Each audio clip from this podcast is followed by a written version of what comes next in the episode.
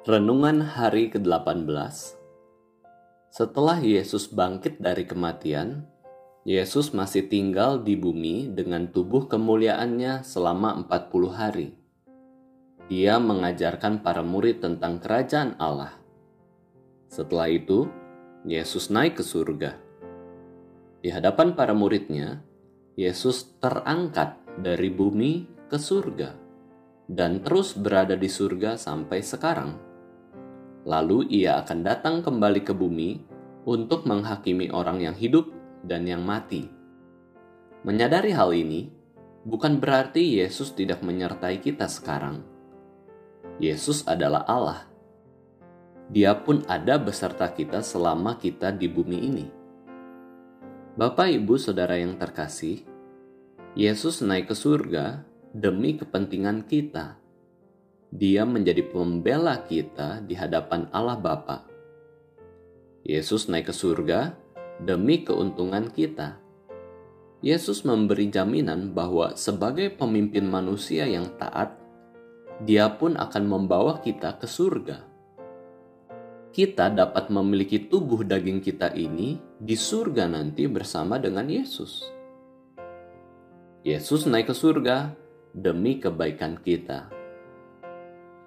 Roh Kudus diutus Yesus untuk menolong kita senantiasa menjalani hidup di bumi ini. Melalui pertolongan Roh Kudus, kita mencari perkara yang di atas, di mana Kristus ada, duduk di sebelah kanan Allah Bapa. Tuhan Yesus Kristus dengan tubuh kemuliaannya sudah meninggalkan planet bumi ini.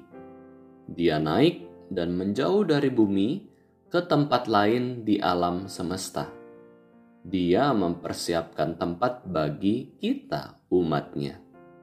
Ketika waktu yang ditetapkan sudah tiba, Yesus akan kembali ke bumi ini. Dia akan turun kembali dari langit ke bumi untuk bertemu dengan kita kembali. Bapak, Ibu, Saudara yang terkasih, Yesus saat ini ada di surga. Apakah itu berarti kita ditinggalkan oleh Yesus Kristus? Tentu tidak. Yesus memang di surga bersama dengan Allah Bapa. Dengan tubuh kemuliaan Yesus, Yesus bersemayam di surga.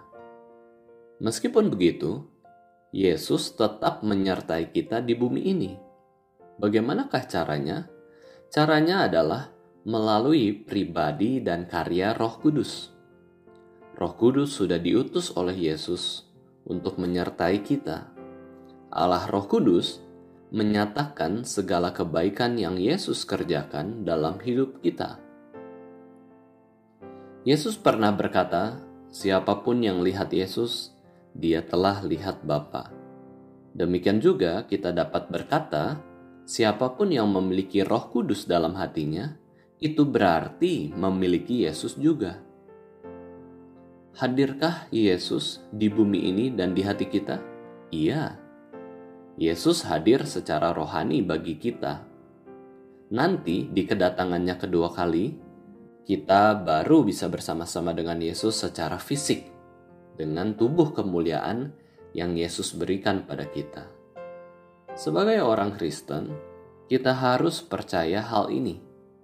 Sekarang, Yesus duduk di sebelah kanan Allah Bapa, dan dari sana ia memerintah dalam diri kita dengan rohnya Yesus menyertai kita di bumi ini sampai akhir zaman di dalam pribadi dan karya Roh Kudus.